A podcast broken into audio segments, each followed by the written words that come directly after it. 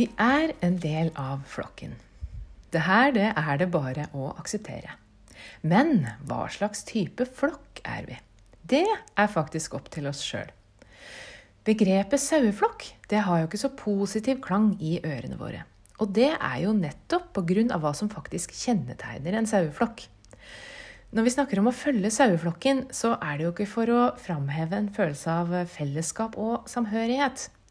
Nei, å følge saueflokken det er jo et begrep vi bruker for å beskrive ting vi gjør, når vi bare gjør som de fleste andre, uten å spørre oss om det er særlig lurt å gjøre det.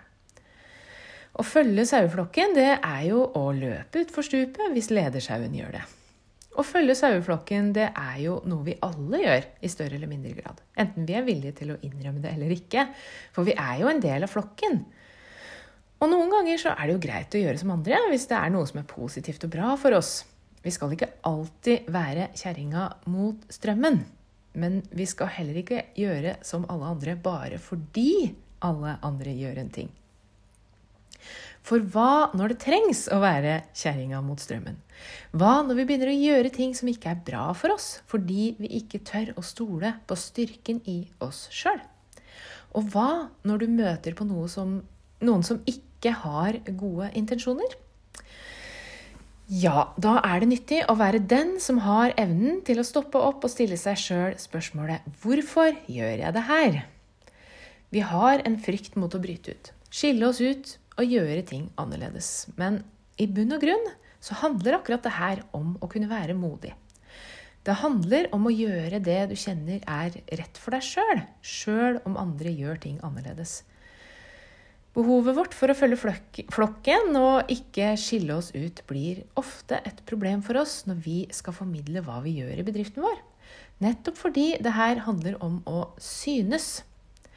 Men det er vanskelig å vise hva vi virkelig er gode på, og hvor vi faktisk skiller oss ut, hvis vi ønsker å holde det her tilbake i formidlingsprosessen.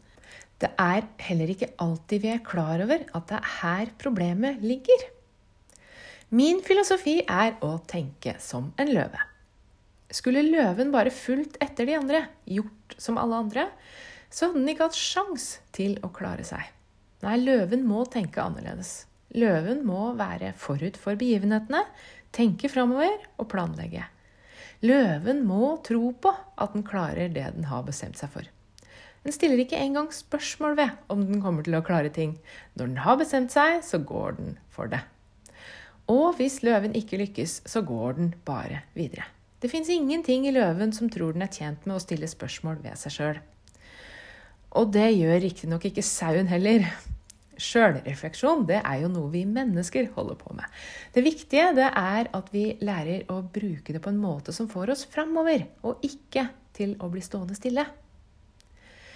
Jeg tror det er mulig å være som en løve og likevel være en del av en flokk. For det er ikke nødvendigvis negativt. Og da tenker jeg på fellesskapet. Fordi fellesskapet er utrolig viktig for oss. Men vi kan velge hvilket fellesskap vi vil være i. Og vi kan velge hva slags fellesskap vi er med på å bidra til å skape. Hvis vi ønsker et fellesskap der vi lar andre få lov til å gå sine egne veier, der vi får lov til å være annerledes, der vi får lov til å gå i vårt eget tempo og ikke bare følge de stiene og veiene som er tråkket opp før oss, ja, da må vi være med på å oppmuntre det her.